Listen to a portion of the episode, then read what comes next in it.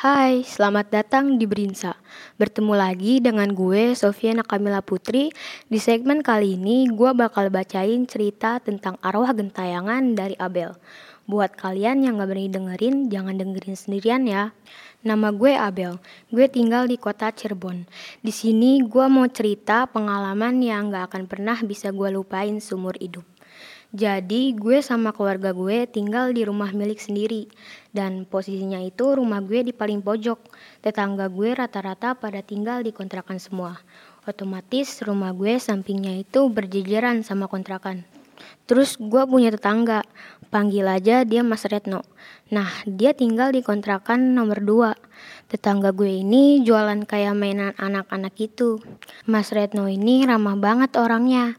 Dia suka nyapa gue kalau gue mau berangkat ke sekolah. Ke semua orang juga ramah banget, terus baik juga. Kadang Mas Retno ini juga jualan keliling ke sekolahan SD. Hampir setiap pagi dia udah berangkat keliling buat dagang jualan dia.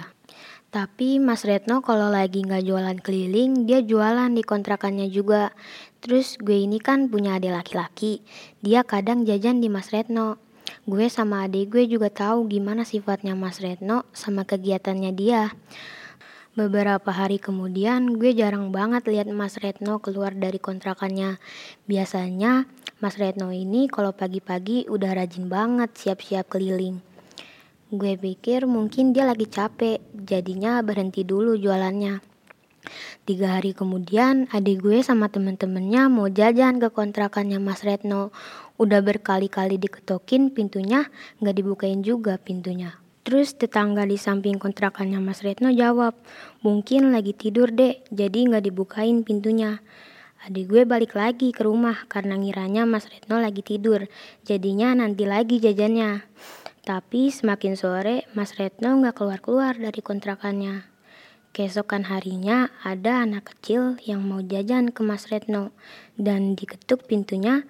Alhasil masih sama kayak kemarin pintunya nggak dibukain juga.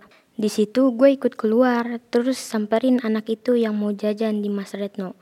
Gue ketokin sekali lagi, tapi masih aja nggak dibukain pintunya. Terus pas sorenya ada Pak RT datang ke rumahnya Mas Retno. Di situ Pak RT mau minta sumbangan keluarga. Semua tetangga termasuk gue udah dimintain uang sumbangan. Nah tinggal Mas Retno yang belum. Karena Pak RT ketokin pintunya juga gak dibukain sama Mas Retno. Nah ada satu tetangga yang keluar dari kontrakan terus nyamperin Pak RT. Dia bilang kayaknya Mas Retno pulang kampung pak. Soalnya dari kemarin dia gak kelihatan. Terus Pak RT jawab, oh pulang kampung toh. Ya udah, makasih ya. Dua hari kemudian ada tiga anak kecil yang ke rumah Mas Retno lagi. Biasalah anak-anak pada mau jajan. Mereka ketokin pintu rumah Mas Retno. Tapi masih sama kayak kemarin gak dibukain juga. Akhirnya mereka intip di jendela ternyata Mas Retno lagi tiduran posisinya tengkurap. Pas itu adik gue nyamperin tiga anak itu. Adik gue juga ikut lihat di jendela.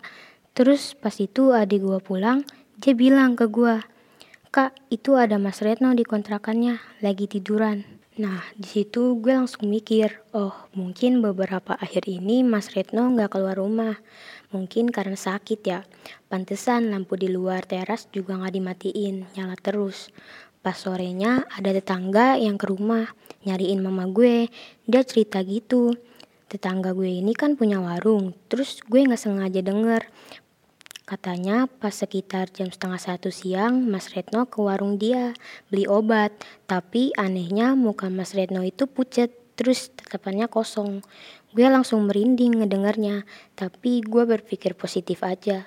Malamnya gue keluar mau beli makan. Pas udah kelar mau balik gue ketemu sama Mas Retno di pertengahan jalan. Gue sapa Mas Retno. Anehnya Mas Retno nggak jawab sapaan gue. Terus muka dia juga pucet.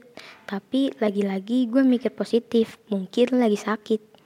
Besokannya ada tetangga lewat rumah Mas Retno. Dia bilang, kok kontrakan ini bau bangke ya? Nyengat banget baunya. Ternyata nggak dia aja yang nyium bau bangke di kontrakan Mas Retno. Hampir seluruh tetangga kontrakan termasuk rumah gue juga nyium bau bangke dari kontrakannya Mas Retno. Malamnya ada lagi anak kecil yang mau jajan ke kontrakannya Mas Retno. Dia intip ke jendela Mas Retno. Terus dia bilang, dari kemarin kok tidur mulu sih mas?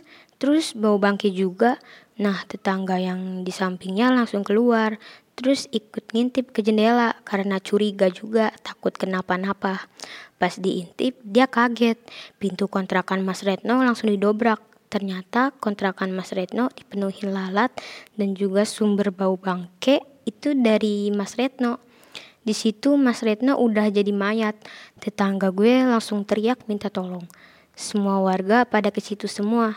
Pas gue dengar suara teriakan minta tolong, gue sama keluarga gue langsung keluar lihat keadaan, ikut panik. Bokap gue penasaran, dia langsung nyamperin kerumunan di kontrakannya Mas Retno. Gue pun ikut ngeliat juga. Pas gue lihat, gue shock banget. Di situ Mas Retno badannya ngebengkak dan di kuping sama matanya ngeluarin darah sama nanah. Pas kejadian itu, warga langsung nelpon ambulan sama panggil polisi karena takut kematian Mas Retno itu ada kenjanggalan. Pas besoknya gue mau berangkat ke sekolah, gue masih lihat mayat Mas Retno di depan kontrakan masih dikerumunin lalat karena mayatnya mau diotopsi sama polisi. Akhirnya pas masalah itu semua selesai, Mas Retno udah dimakamin. Tapi tiga hari kemudian ada tetangga baru yang pindah ke kontrakannya Mas Retno dan dibikin ketakutan gitu. Tetangga baru itu bilang ada sosok laki-laki yang ngintip di kamar dia dan kakinya itu nggak napak di lantai. Ada tetangga lain juga yang katanya suka dikasih lihat penampakan Mas Retno. Ada yang diganggu sama sosok itu sampai kayak kesurupan gitu. Dan gue sendiri pun ngalamin kejadian itu. Pas gue lagi keluar mau ke tukang fotokopi, gue lihat sosok Mas Retno lagi natap gue dengan tatapan kosong dan kulit putih yang pucet. Oke, segitu aja cerita yang gue bacain. Makasih buat Abel karena udah ngizinin buat dibacain ceritanya di podcast Berinsa. Buat kalian yang punya cerita horor lainnya, kalian bisa DM di Instagram kita at osissmkbw2. Terima kasih udah dengerin podcast Berinsa. See you.